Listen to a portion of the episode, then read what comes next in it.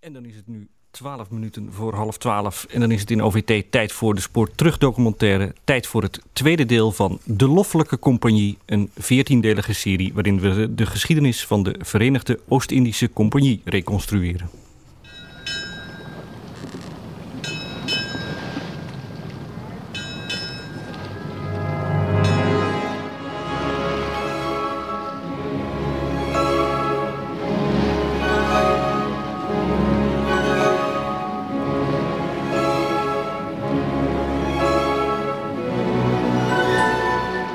De Loffelijke Compagnie. Aan boord.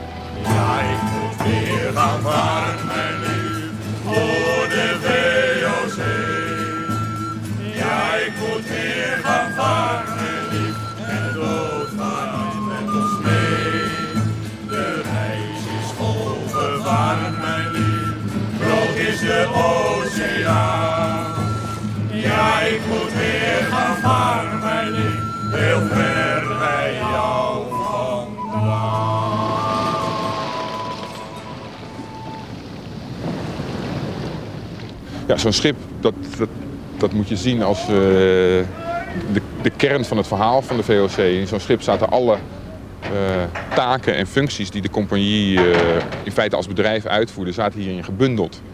Ehm, zo'n schip was meer dan alleen maar een koopvaardijschip. Het, het was niet alleen een schip wat, wat handelswaar vervoerde. Het was ook een, een, een oorlogsschip, omdat het een militaire functie had, zowel op zee als, eh, als, een repressiemiddel in, eh, in, in Azië, om eh, zeggen, de belangen van de compagnie te verdedigen. Maar het was ook de drijvende bank van de compagnie. De, de geldtransporten eh, gingen hiermee de oceaan over. Het was ook het postkantoor van de compagnie. Het vervoerde de correspondentie, de brieven, de administratie tussen Nederland en de vestigingen over zee. Het was een drijvend dorp. Onderwaterarcheoloog Jerzy Gawronski dook vele malen naar het wrak van de Amsterdam... dat voor de kust van het Engelse Hastings op de zeebodem ligt. Zijn onderzoek wees uit dat de VOC-schepen van toen... te vergelijken zijn met de space shuttles van nu. Want het wereldomvattende bedrijf gebruikte de modernste technologie... voor de 1500 schepen die de compagnie in de twee eeuwen van zijn bestaan liet bouwen. 1500 schepen die tezamen meer dan 8000 reizen volbrachten. De VOC was werkgever voor vele tienduizenden mensen in de VOC-steden in Nederland, in de factorijen over zee en aan boord van de schepen. Aan het eind van de 18e eeuw stond een kwart van de zeelieden in de Republiek op de loonlijst van de VOC. Vanuit heel Europa stroomden werkwilligen toe om de schepen als soldaat of matroos te bemannen. Hoewel de VOC tot in detail de bedrijfsvoering heeft vastgelegd, is er nauwelijks iets te vinden over deze veelal ongeletterde bemanningsleden. Journaals van hoger personeel en reizigers en vondsten op scheepswrakken en aan de wal vertellen de geschiedenis van deze gewone lieden. Met Jerzy Gawronski lopen we over de replica van Amsterdam die achter het Amsterdamse Scheepvaartmuseum ligt. Een geliefd uitstapje voor schoolkinderen. Maar dit moeten zeelieden voorstellen die hier zitten te zingen. Denk ik wel. En we ruiken hier uh, en bonen. Ze zijn verkleed in eh, bontjasjes voor de kou waarschijnlijk. Nou, ze hadden toen, eh, dat is heel aardig, dat hebben we in het archief gevonden, een, een bedrijfskleding inderdaad. Ja. Weliswaar geen bontjasjes, maar dat werd aangeduid met termen als waakrokken. Dat was nou, wat er nu duffeltjes. En eh, dat is dingen die we nu zouden aanduiden als, als oliekleding. En inderdaad, het was dus van canvas gemaakt, van linnen en dan geïmpregneerd met, met pek en teer. En dat, was, eh, dat werd standaard aan de bemanning uitgedeeld. Hè. Dus kochten ze per 150 of 300 in. Broeken en jassen. Eh, en dat was dan de, de winteruitrusting om de, de tocht over de Noordzee en het Atlantische Oceaan te maken. Zo'n bedrijf als Compagnie die verzorgt in het kleinste detail ja, de voorzieningen aan boord. En dat ging dus ook zo ver dat er schoenen en, en, en, en de, is, de opvarenden hadden twee soorten kleding. Een zomertenu en een wintertenu. En dat geeft ten eerste al aan dat ze een bepaalde zorg hadden voor hun bemanning. Want een zieke matroos, ja, daar heb je niks aan. Die werkt niet. Dus er werd geïnvesteerd in het maken, in het verstrekken van kleding en, en, en, en schoeisel. Dus het is zeker niet zo dat iedereen in vodden rondliep. Een van de weinige persoonlijke geschriften van lager VOC-personeel is het dagboek van soldaat Carolus van der Hagen, dat de Vlaamse historicus Jan Parmentier kort geleden bewerkte en publiceerde. Samen met Parmentier bezochten we het Vlissings gemeentemuseum, waar de opgedoken voorwerpen van het Vliegend Hert, een schip dat in 1735 voor de kust van Walcheren verging, zijn uitgestald. Directeur van het museum Wilbert Weber toont een paar pronkstukken van de collectie. Een stukje aan elkaar vastgekoekt spulletjes. Dat is, want als het onder water zit, gaat ijzer gaat roesten. En met al die zandkorreltjes erbij wordt het één groot koeksel. En het heeft ook de vorm van een punt van een zakdoek of zo. Dit hier? Ja. En op een gegeven moment hebben ze eerst daar, voordat het uh, schoongemaakt is, is er een afgietsel van gemaakt. Omdat we zien liggen is een afgietsel. Met daarnaast alle voorwerpen die erin zaten. En dan blijkt het vermoedelijk dat het allemaal afkomstig is van een, misschien een matroos, of misschien zelfs een soldaat, die daar zijn hele bezit bij zich had. En de punt van zijn zakdoek? Het punt van zijn zakdoek. En het bezit bestaat uit? Spelden, een aantal zesstuivermuntstukken, wat is nou ja, laten we zeggen patiënten. Een dobbelsteentje die nog niet helemaal af is. En want je mocht helemaal niet dobbelen op schip. Dus dat is een stukje steen, been had je bij je. En dan een mesje. En dan ga je het een beetje peuteren erin tot je een dobbelsteentje hebt. En dan kan je stiekem, kan je toch dobbelen. En proberen meer dan die zes stukken te pakken te krijgen. Of niet. En een aantal knopen om zijn jas te repareren met een paar spelden. Want dat had hij ook nodig. Ja, dat was niet om mee te spelen, om knopen. Ik denk het niet. Ik denk dat ze om geld speelden. Of uh, om een stukje brood of dat zoiets. Maar dat was dus dat geeft je een inzicht in het bezit dat een soldaat of een matroos had. Dat kon in de punt van de zakdoek. Ongeveer. Dat kon in de punt van de zakdoek. Want de soldaat had verder alleen materiaal geleverd door de opdrachtgever. Die had een geweer van de opdrachtgever. Die had de patroontas van de opdrachtgever. Die had kogels van de opdrachtgever. En er stond ook overal bovenop... dit is van de VOC, met een VOC-merk. Interessant. We draaien ons even om, want daar staan nog een paar hele mooie grote dingen. Hè? Een kist. Nou, leg het maar. Een kist en die kist is een beetje opgetild. De bodem is er eigenlijk uitgehaald. En daarom zien we wat er op de bodem heeft gestaan. Dat is gewoon het restante geweest van een kist vol met flessen wijn. Want er waren, eh, het water van zeewater is ook niet zo drinkbaar. En als je zoet water meeneemt, dan blijft het ook niet altijd goed. En er was vooral voor de officieren er was een flinke voorraad wijn aan boord... om onderweg uh, een borrel te kunnen drinken. En dat zat in een kist. Die, uh, die officieren hadden eigenlijk een goed leven aan boord. Beter als de soldaten. Hoe ze goed leven aan boord waren, er gingen nog genoeg dood. Mm. Maar relatief was het een stuk beter. Maar echt een pretje was het niet. Jan, je staat erbij. Kom er eens even bij. Hoeveel flessen waren er nou aan boord, normaal? Uh, ja, je moet toch rekenen tussen de 10 en de 20.000. 10 en 20.000? Ja. Uh, dan, dan, was het een, een, een dronkenmansbende aan boord. Nee, uh, een deel van de wijn werd gebruikt dus uh, voor consumptie aan boord, maar het grootste deel van de wijn was ook lading. En werd geconsumeerd dus in Oost-Indië. Maar goed, het leven aan boord dan toch nog maar even van de officieren, was het nou goed of slecht? Dat was relatief goed, voor zover... dus zij, de eerste tafel waren de kapitein en de handelaars aan boord en de eerste, tweede of derde stuurman uh, zaten... die kregen meestal dagelijks vers vlees, verse groenten als ook voor een groot deel. Dus uh, zij hadden dus eigenlijk een, een rijke burgertafel. Dus ik zou dat nog niet zo als bijzonder slecht uh, ervaren. Zeker niet. Men had ook meestal twee verschillende koks. één voor de eerste tafel voor de officieren... en één voor gewoon de matrozenbemanning en soldaten. Reglement voor de overheden van de Oost-Indische compagnieschepen voor het verstrekken of uitdelen der victualiën of rantsoenen voor het scheepsvolk. Zondags. S'morgens een half mutsje Genever aan ieder man. Eén kan bier, zolang het zelf goed is en strekken kan. Voort zoveel water de gehele week door en wel principaal tussen de keerkringen. Eén emmer gort voor ieder honderd man. Smiddags drie kwart pond vlees voor ieder man. Eerst de schonken, zolang dezelfde strekken.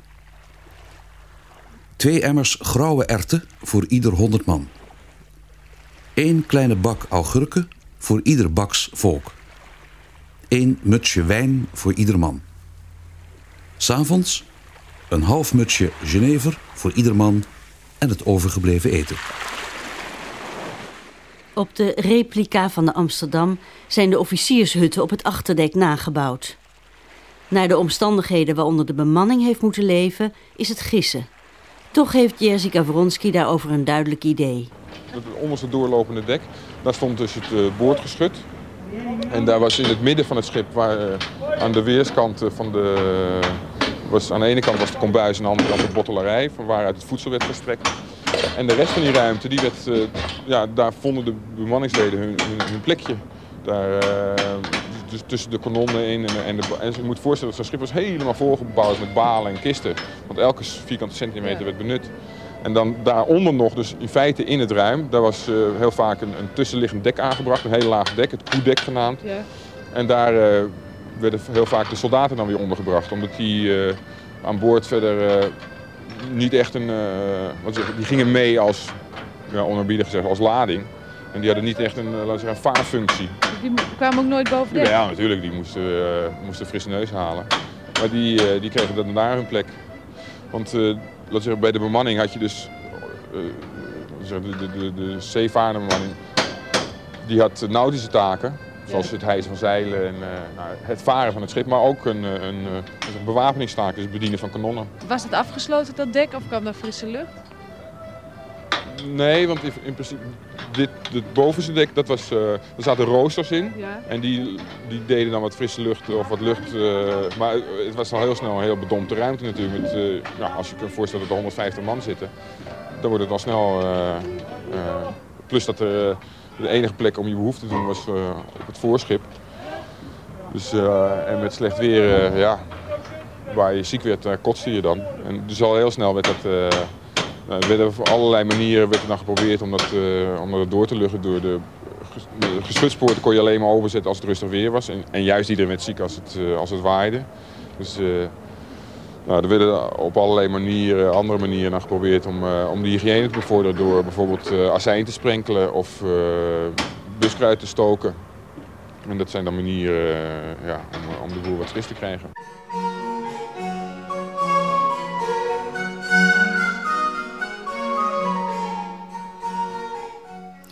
Op een schip van hooguit 45 meter moet de bemanning maandenlang samenleven. Voor de mast is het overvol. Daar bivakkeert het gewone scheepsvolk. Achter de mast is ruimte en rust. Daar verblijven het hoger personeel en de meevarende gasten. Zo ook de zusjes Johanna en Helena Swellegrebel, respectievelijk 17 en 20 jaar. In 1751 reizen ze van Kaap de Goede Hoop, waar ze opgroeien, naar Holland. Neerlandica Marijke Barend vond hun reisjournaal in de VOC-archieven. En ze ontdekte ook een verslag van de zusters Maria en Johanna Lammens, die in 1735 aan boord van een VOC-schip naar Batavia varen.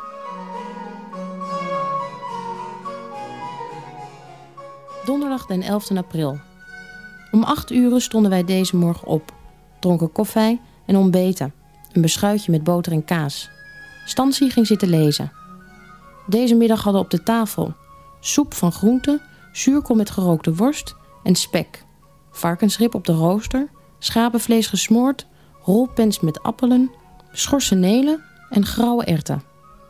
Na wat op het halve dek gezeten te hebben, gingen wij naar beneden en aten een kweepeertje. Om half vijf gingen wij weer naar boven en dronken met de vrienden thee. Na de hand was het gebed.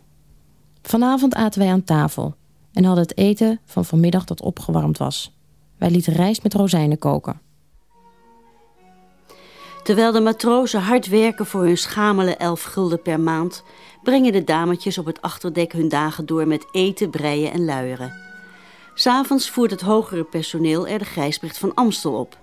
En de zusjes Zwellegrebel maken muziek, spelen ganzenbord of zingen gezamenlijk Lutherse liederen.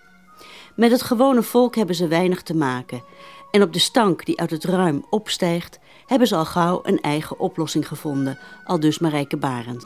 Je moet die hygiëne, dat is natuurlijk toch uh, heel anders dan nu. De, de meisjes Zwellegrebel, die schrijven trouwens, het is ook wel aardig misschien... die gaan pas voor de vijfde dag ze s'avonds uit de kleren voor het eerst. Daarvoor zijn ze erg zeeziek geweest. Maar ze schrijven ook dat ze samen aan het gordijnen aan het naaien zijn... omdat het zo'n sterke geur is als ze de kajuitvensters openzetten. En uh, er is een heel klein fragmentje in de jaren 30 uitgegeven door iemand. En die schrijft daar met een vraagteken bij de geur van de slaven. Nou waren er geen slaven aan boord. Dat is gewoon de geur van de bemanning, van de soldaten en de matrozen. Het moet aan boord gigantisch gestonken hebben. Want men ging inderdaad niet veel uit de kleren. Mm -hmm. Wassen was er toch niet zoveel bij. Hè? Men dacht in die tijd, had allerlei theorieën...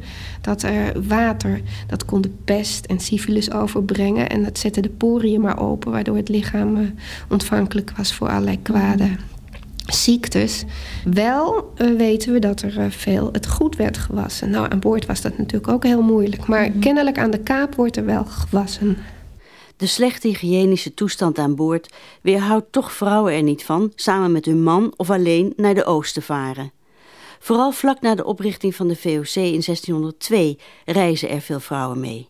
In, in het begin gingen er uh, de gouverneur-generaal Bot en na hem gouverneur-generaal Koen. Die wilden graag een, een, kolonie daar stichten in de Oost. Opgebouwd uit uh, vaderlandse mannen en vrouwen. Dus aanvankelijk uh, werden er zowel huisgezinnen, godvruchtige huisgezinnen...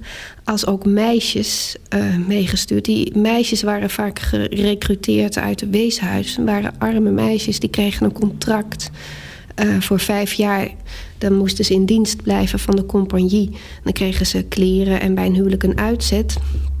Uh, maar die meisjes en ook uh, ander vrouwvolk, uh, gouverneur-generaal Bot noemt het lichte kooien, licht vrouwvolk, die bevielen niet zo. Dat waren niet de godvruchtige vrouwen waar Koen op hoopte. Wat gebeurde er dan met die meisjes? Wat deden ze? Volgens uh, Bot waren het allemaal lichte kooien. Die waren van jongs af aan, schrijft hij in een brief, in de bordelen opgegroeid. En die waren niet uh, bereid om te wassen en te naaien... of anderszins ook de handen uit de mouwen te steken. Dus in de, in de jaren twintig, dus helemaal in het begin nog van de VOC-tijd... werden er gezinnen gestuurd... Uh, dienaren met hun vrouwen en hun dochters... en ook wel meisjes dus uit die weeshuizen. Maar dat uh, heeft allemaal toch niet tot het gewenste resultaat uh, geleid.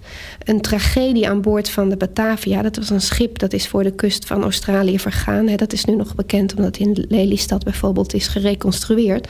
Aan boord van de Batavia waren 38 vrouwen en kinderen. 20 vrouwen en 18 kinderen... En aan boord heeft zich een tragedie afgespeeld. Een deel van de bemanning heeft willen muiten, is in opstand gekomen tegen de, uh, het vloothoofd, uh, commandeur Pelsaert.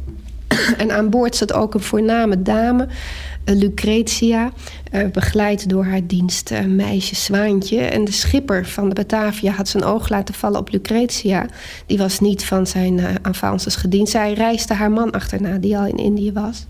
Toen is de schipper overgegaan op Zwaantje. Heeft zich liederlijk gedragen. Dat beviel Pelsaert, de commandeur, de commandeur, het vloothoofd niet. Er is van alles gebeurd. Uiteindelijk is Zwaantje met de schipper liederlijk gaan leven. De commandeur werd ziek, dus kon zich niet meer uh, daarin mengen. En is Lucretia met pek en uitwerpselen besmeurd. Nou, dat heeft een heel gedoe gegeven. De Batavia heeft schipbreuk geleden. Er zijn meer dan 125 mensen vermoord. Zeven vrouwen zijn uitverkoren om in leven te blijven. Waaronder dus ook Lucretia. Um, maar deze hele geschiedenis heeft ook uh, volgens de advocaat van de compagnie, Johannes van Dam, die heeft dat beschreven. Uh, die heeft ertoe geleid dat, uh, dat men vond dat vrouwvolk aan boord, dat was niet gunstig, dat werkte niet positief.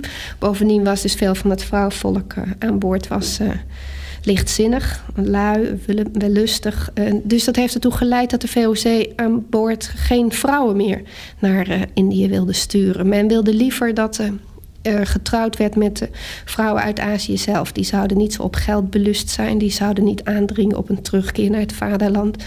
Zouden sterkere kinderen baren, et cetera, et cetera.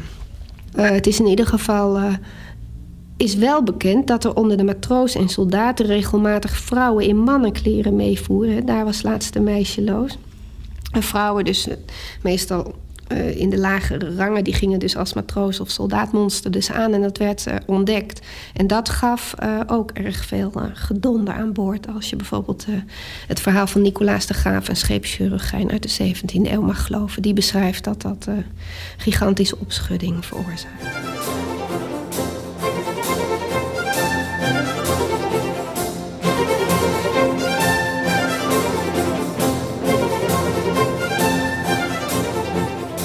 Al die vrouwluiden die anders medegaan als met toestemmingen van de heren bewindhebbers, is niet anders als een deel uitschot en kanaalje. Die haar tegenstaat de schepen in zee gaan onder de matrozen komen te versteken. Of komen haar in soldaats- of matrozenkleren te verkleden. Eten met hun aan een bak, slapen ook met hun in een kooi. Tot tijd en wijl dat het uitkomt dat het vrouwluiden zijn, welke dan worden in de kajuit ontboden en de in vrouwenkleden gekleed, die dan de een of ander van de officieren een hemd helpen wassen of een steekje helpen naaien. Maar zo zij al te gemeen met de een of ander komen te maken, verwekt zulks grote jaloezieën onder de luiden. Daar al te met grote ongelukken door komen te veroorzaken, want ieder wil als dan medegaren eens aan den brief ruiken.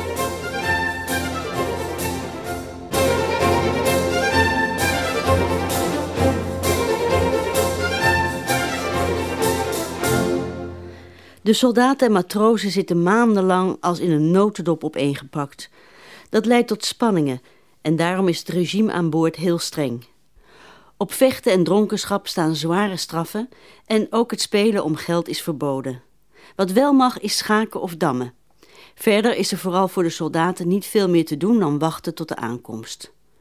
U hoort nog eenmaal Jan Parmentier over het leven van de soldaten en in bijzonder de VOC-soldaat Carolus van der Hagen. Uh, die soldaten normaal gezien die, die zaten dus uh, uh, beneden deks, zou je kunnen zeggen. En dus die hadden dus weinig activiteiten, dus de verveling sloeg toe. Een, een van de redenen waarom dat Carolus van der Hagen met een dagboek is begonnen, vermoedelijk. Om zijn reis bij te houden. maar hij kon lezen en schrijven en de meeste van zijn compagnons kon dat niet. Die deed niks. Nee, dus die speelden of uh, illegaal. Die speelden wat? Well, ja, die speelden bijvoorbeeld uh, dus een aantal kansspelen illegaal. Of hielden zich ook bezig met uh, het zingen van liederen. Zeemansliederen, er zijn heel wat VOC-liederen trouwens bekend. En ook het spelen van een aantal instrumenten van viool of, of fluit of trompet of zo. Waren er ook nog bepaalde feestelijkheden? Ja. Ik heb begrepen als het de evenaar overging of ja. zo? Dus, uh, bij, dus wanneer dat men dus, uh, de evenaar overging, dat is dus in de zone van dus de windstilte. Dus uh, dat men dus normaal het schip gaat dan relatief traag vooruit, had men dus wel tijd om dus een viering uit te voeren. En dat was dus zeer car carnavalesk dat men dat deed. Dus men was geschilderd, men maakte eventueel maskers en men voerde een aantal toneeltjes op. Ook bijvoorbeeld, dan werd er ook uh, heel wat uh, geconsumeerd. Dus uh, Geneverwijn en dergelijke, dat, dat vloeide rijkelijk. En ook een aantal officiële feestdagen, zoals dus de feestdag van de stadhouder of dergelijke, dat werd wel gevierd. Maar al met al, zou je zo'n reis hebben mee willen maken? ja, maar wel als passagier of als, als, of als officier. Dat wel.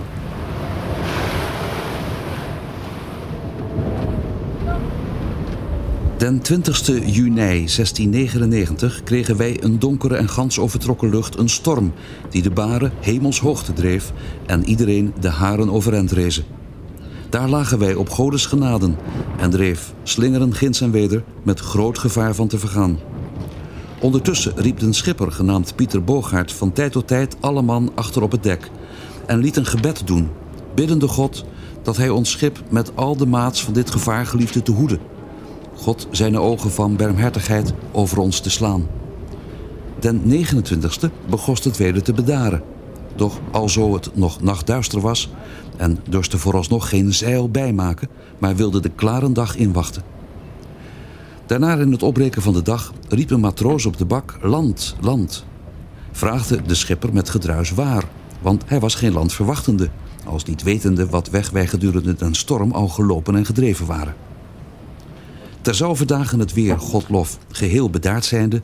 kwamen zachte middags verscheiden negers met knootjes aan boord... met fruiten, om te ruilen voor messen, oude kleden of de drank... mits zij geen gelden kennen. Onder andere was er een neger bij die Engels sprak. Zo was de presumptie dat al daaromtrent Engelsen wonen. Deze negers waren heel wild, nakend, zonder enige kleren. Ook en betrouwden zij zelf niet aan boord te komen, noch den schipper betrouwde ook niemand aan land te gaan. Het voedsel is voldoende, maar eenzijdig. Omdat er geen verse groenten en fruit op het menu staan, sterven vele opvarenden aan de gevreesde scheurbuik. In de 18e eeuw zijn er groentetuinen aan boord, tot de compagnie dit van hogerhand verbiedt, omdat de wortels de scheepswand aantasten. Er gaan ook kippen, geiten, schapen en varkens mee, maar het verse vlees en de eieren worden toch vooral op het achterdek genuttigd door de kapitein en zijn gasten. De gezondheidszorg is in handen van chirurgijns die vaak niet meer dan een barbiersopleiding hebben genoten. Hun belangrijkste medische techniek bestaat uit aderlaten. De eerste reis van chirurgijn Nicolaas de Graaf in 1639 naar Oost-Indië verloopt rampzalig. Passeerde eindelijk de linie equinoctiaal. Maar ons scheepsvolk begon dagelijks weder hoe langer hoe meer te klagen. De scheurbuik, rode loop en waterzucht heerste dapper onder het volk. Als ook hoofdpijn, brandende koortsen, krankzinnigheid en razernijen was al hier de gemeenste plagen. Niet tegenstaande wat remedie onze opperchirurgijn Willem van Horen aanwendde om de noodlijdende te helpen, het was al te vergeefs. De ziekten vermeerderden en sterven veel van ons volk, sommigen zeer ellendig. Het was niet anders dan of de pest in het schip was en of de mensen dul en razend waren. Alzo dat men de sommigen in haar kooien moest vastbinden. Twee maats in zo'n razernij sprongen buitenboord en verdronken. Alzo wij in lange geen verversing gehad hadden, zo vingen enige van ons volk alle nachten met strikken en rottenvallen alle rotten die zij konden bekomen. Dezelfde de kop, staart en de poten af en het ingewand daaruit gedaan, gevild en s'nachts in het wand gehangen, wierden met water, wijn, rijst, suiker en specerie gekookt en in de pannen geroost.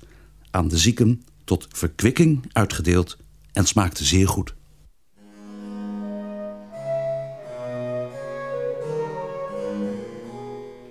Ook de 18e-eeuwse reiziger Jacob Hafner verhaalt van de gezondheidszorg aan boord.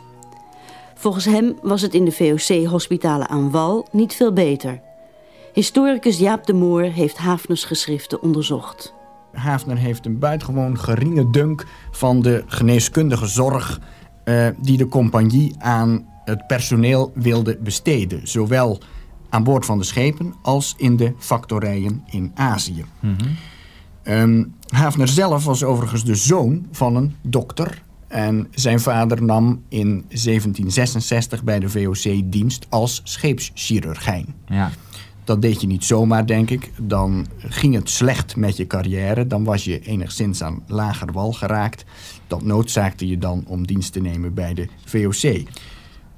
Hij beschrijft dan bijvoorbeeld dat hij bij zijn tweede reis naar Azië in 1771 um, ziek wordt bij aankomst in Chinsura in Bengalen, in India, waar de VOC een factorij bezat. En hij komt dan terecht in het hospitaal in Chinsura. Dat is een prachtig en bloedstollend verhaal. Hij beschrijft daarin uh, het falen van de geneeskundige zorg. Hij beschrijft hoe uh, het verplegend personeel de patiënten besteelt in plaats van te genezen. Hij beschrijft ook een soort euthanasie, waarbij patiënten waarvan men denkt die maken niet lang meer, dat die dan door het verplegend personeel met een kussen worden verstikt waarna dat personeel dan de schamele bezittingen van de overledene nog gauw even inpikt.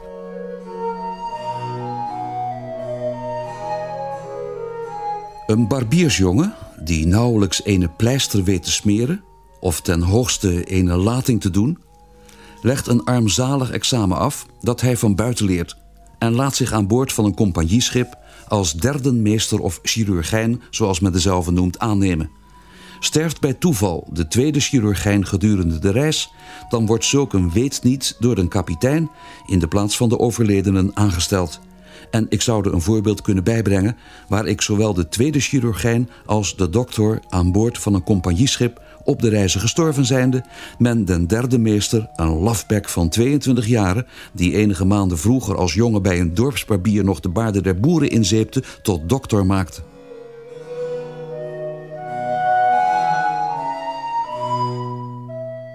De tucht aan boord is streng. En zoals alles door de compagnie is geregeld... is ook de ordehandhaving keurig vastgesteld in de zogeheten artikelbrief. Onderzoeker Jaap de Moor. De onderwerpen van zo'n artikelbrief zijn bijvoorbeeld in de eerste plaats dan de straffen, dus vloeken of ehm, diefstal aan boord of uh, bevuilen van het schip of uh, homofilie, dus betrapt worden op uh, homofiele contacten met medepassagiers. Dat stond erin opgezomd en daarbij stonden dan ook de straffen, wat er dus op elke overtreding of misdaad voor bijbehorende straf, straf. de bijbehorende straf. Uh, aan boord van het schip was het de provoost die moest opletten... en die dus als een soort van uh, politieagent en aanklager fungeerde. Als het dan ging om het uitdelen van de straf... dan kwam de schipper eraan te pas. Mm -hmm. En um, meestal dan in combinatie met de scheepsraad... waarvan de schipper voorzitter was. Ja. Zeker in de 18e eeuw was ja. dat zo. Kun, kun, je wat, kun je wat voorbeelden noemen? Wat, voor, uh, wat nou de straf was bijvoorbeeld voor vloeken of voor sodomie... of Nee, voor vloeken kan ik dat niet. Ik ja. denk dat dat gewoon een boete was of het inhouden van gage. Voor sodomie was dat de doodstraf. Als je dus betrapt werd, meestal dus met z'n tweeën, dan volgde daar de doodstraf op. En dan werd je aan elkaar gebonden, overboord gegooid en verdronk je. Um, die gedragsregels waren nodig omdat er natuurlijk een kleine gemeenschap was waar heel veel mensen waren. En bovendien ging het om soldaten en matrozen, waartussen vaak tegenstellingen bestonden. Die hadden mm -hmm. vaak ruzie. En tenslotte ook moet je bedenken dat veel van die mensen kwamen uit de laagste maatschappelijke regionen. Ja. Waarin gewelddadig gedrag, meestal in combinatie met uh, gebruik van drank of dronkenschap, heel vaak voorkwam. Dus ordehandhaving was aan boord bitter nodig. Ja. Lijfstraffen kwamen heel vaak voor. Ja. Dat waren dan bijvoorbeeld uh, zweepslagen op het achterwerk of kielhalen, waarbij dus um, de matroos of de soldaat onder het schip door werd getrokken en bijna verdronk. Of um, van de ra gegooid worden, waarbij je dus met een blok lood uh, in zee werd gegooid en er daarna weer, weer werd uitgevist. In principe waren dit dus lijfstraffen die niet moesten resulteren in de dood hmm. van het bemanningslid. Op muiterij stond de zwaarste straf, de doodstraf. Els van Eyck van het Amsterdam Scheepvaartmuseum noemt het echter niet altijd muiterij. In de 17e en 18e eeuw noemde de VOC alles muiterij. Terwijl wij zouden zeggen, nou het merendeel was eigenlijk staking, werkstaking. Ja, ja. Maar dat noemden zij natuurlijk al heel snel muiterij. Ja, Mensen waren natuurlijk ook wel eens ongerust. Je hebt ook muiterijen gehad van, uh, op schepen waar, die zo slecht waren dat op een gegeven moment um, planken losraakten van de buitenhuid van de schepen. En dan zagen, zag de bemanning, die zag natuurlijk die planken, die zag, zagen ze voorbij drijven. En die dachten, potverdorie, we zinken. Dit schip is gammel, hier moeten wij af. Nou, en dan zeiden ze natuurlijk tegen, tegen de schipper, tegen de bootslieden van... jongens, uh, we doen het niet meer, we willen terug, we, absoluut, we weigeren verder. Nou, dat werd dan natuurlijk ook al gauw een muiterij genoemd. En ja, op muiterij staat de doodstraf. Hè? Dus um, dat wist iedereen natuurlijk ook. Dus het moest toch wel ernstig zijn. En van alle bekende muiterijen bij de VOC, dat zijn er in totaal een 42 waar we echt veel van afweten, um, is er maar één muiterij echt geslaagd. Daarvan zijn de muiters echt ontkomen. En dat was van een schip de Windhond, dat in de Persische Golf um, ge, uh, dus gekaapt is door de, door de muiters. En waar de muiters ontsnapt zijn in Perzië en nooit meer teruggevonden zijn. En van alle andere muiterijen zijn de mensen gepakt. Ook Jacob Hafner verhaalt van streng gezag aan boord. Hij werkte in de 18e eeuw op 20 VOC-schepen en ontmoet, zo schrijft hij, al die tijd maar drie brave en menselijke opperhoofden. Volgens Jaap de Moor overdrijft Hafner hier en daar, maar de basis van zijn verhalen is waar. Dus de vrede kapitein Koelbier, waarover Hafner vertelt, heeft wel degelijk bestaan. Hafner beschrijft vooral één kapitein op het schip waarvan hij een half jaar heeft gevaren. En deze kapitein was echt zonder meer een sadist. Dat kun je geen normale ordehandhaving meer noemen... of zelfs niet met harde hand de orde handhaven. Dat was gewoon sadisme. Kapitein Koelbier, eh, de naam van die kapitein... Uh, sloeg er naar hartelust op los. Hij schepte er echt genoegen in, zo beschrijft Havener het...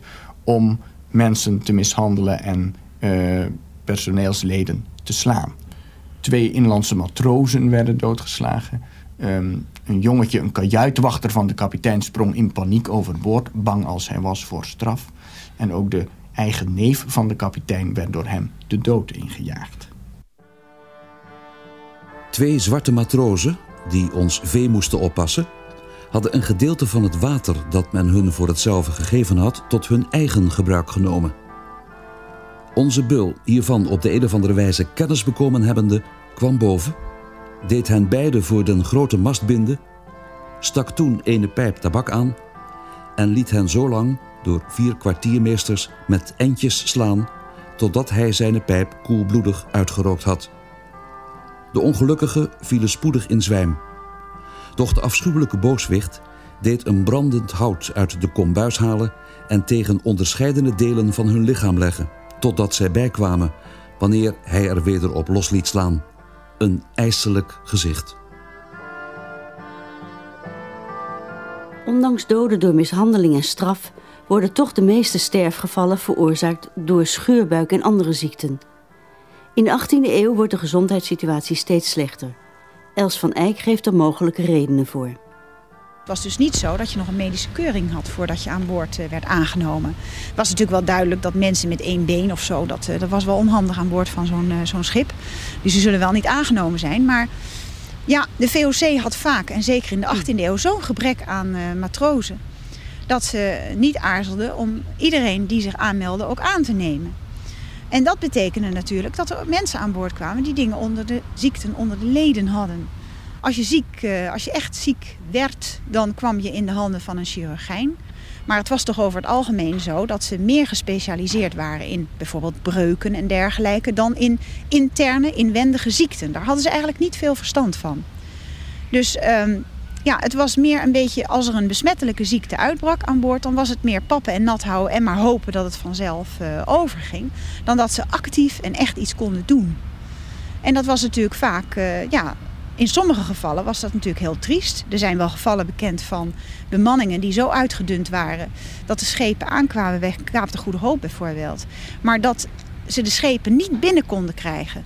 Omdat er te weinig gezonde mensen waren. En dan zonden ze een boot naar de wal. En zeiden wij hebben mensen nodig. Stuur maar wat mensen van de wal, want wij krijgen dat schip zo niet verder. Hm. Maar, eh, nou goed, dat zijn natuurlijk toch uitzonderingsgevallen.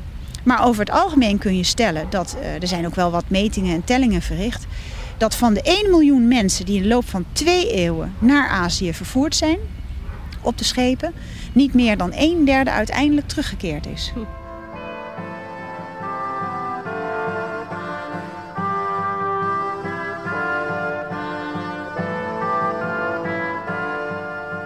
Van het aantal mensen dat niet terugkeert, heeft onderzoek uitgewezen dat zo'n 7% onderweg is gestorven. Veel anderen zijn in de overzeese factorijen van boord gestapt, waar ze soms alsnog aan tropische ziekten bezweken. Want aan land lagen de echte gevaren, getuige het verslag van Nicolaas de Graaf. In 1668 stapt hij in India van boord, waar een verschrikkelijke hongersnood heerst, die uiteindelijk voor de Hollandse kooplieden toch nog gunstig uitpakt. De mensen stierven bij menigte en lagen op de wegen, in de rivier, ja zelfs op de straten en markt dood. En niemand wilde ze begraven of in de rivier werpen, maar wierden van de jakhalzen tijgers, wolven en honden opgegeten en verscheurd. Sommigen zagen wij leggen gestorven met stukken van stinkende vellen, lederen lappen en gras in de mond. Dit maakte de slaven en slavinnen goedkoop, want door de grote hongersnood gedrukt verkocht de man zijn vrouw, de vrouw de man, de ouders haar kinderen, de kinderen dikmaal haar ouders, de broeders en zusters malkanderen voor een geringe prijs. Want om een handvol rijst of twee konden wij een slaaf of de slavinnen kopen. En voor een riksdaalder of twee kocht men een schone jongen of jonge dochter van 10, 12, 16 of 20 jaren. Gezond van lijf en leden, toch van de honger uitgeteerd, welke haar ganse leven uw lijf eigen moeten zijn en die gij weder kondt verhandelen of verzenden naar uw welgevallen.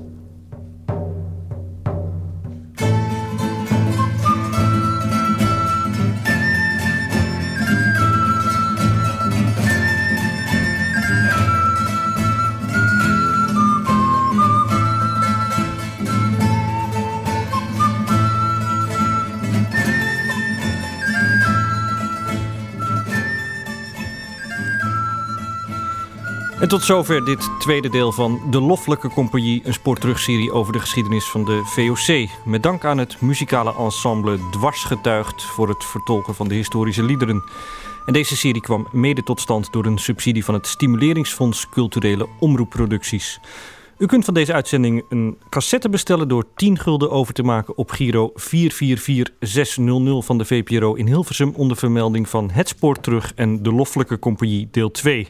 Maar het is natuurlijk veel leuker om de hele serie alvast te bestellen en dan krijgt u bovendien een flinke korting. Want alle 14 delen van deze serie kosten maar 60 gulden over te maken op datzelfde Giro-nummer 444600 van de VPRO in Hilversum. Sorry. En zet daar dan bij het spoor terug en serie VOC. En wat er gebeurt als de VOC Java bereikt, hoort u volgende week in deel 3, waarvoor we de sporen van de VOC in West-Java hebben nageplozen. Maar ook in eigen land herleeft de VOC, want vanmiddag kunt, kunt u in het Rotterdams Maritiem Museum nog kijken, maar vooral ook luisteren naar de kleurrijke zeemansverhalen die verteld worden over Fokke Oorlam, VOC-dienaar op het schip Tessel. Wij zijn er doorheen. Aan deze uitzending werkten mee Kiki Amsberg, Jacqueline Maris, Brita Hosman, Gaia Segers, Aad Bos, Gerard Leenders, Paul van der Gaag, Arie Kleiweg, Kees Slager en Marnix Koolhaas. En de techniek deed Rien Otterspeer, Wil Hassink en Huub Hoogweg. En heeft u op- of aanmerkingen, schrijf dan naar OVT Postbus 6 1200 AA in Hilversum of bel 035 712 911. Op deze zender neemt de AVRO met het Radiojournaal de uitzending over en wij zijn er weer volgende week. En daarmee, geachte luisteraars, laat ik u over aan de verpozen die de radio u plicht te bieden.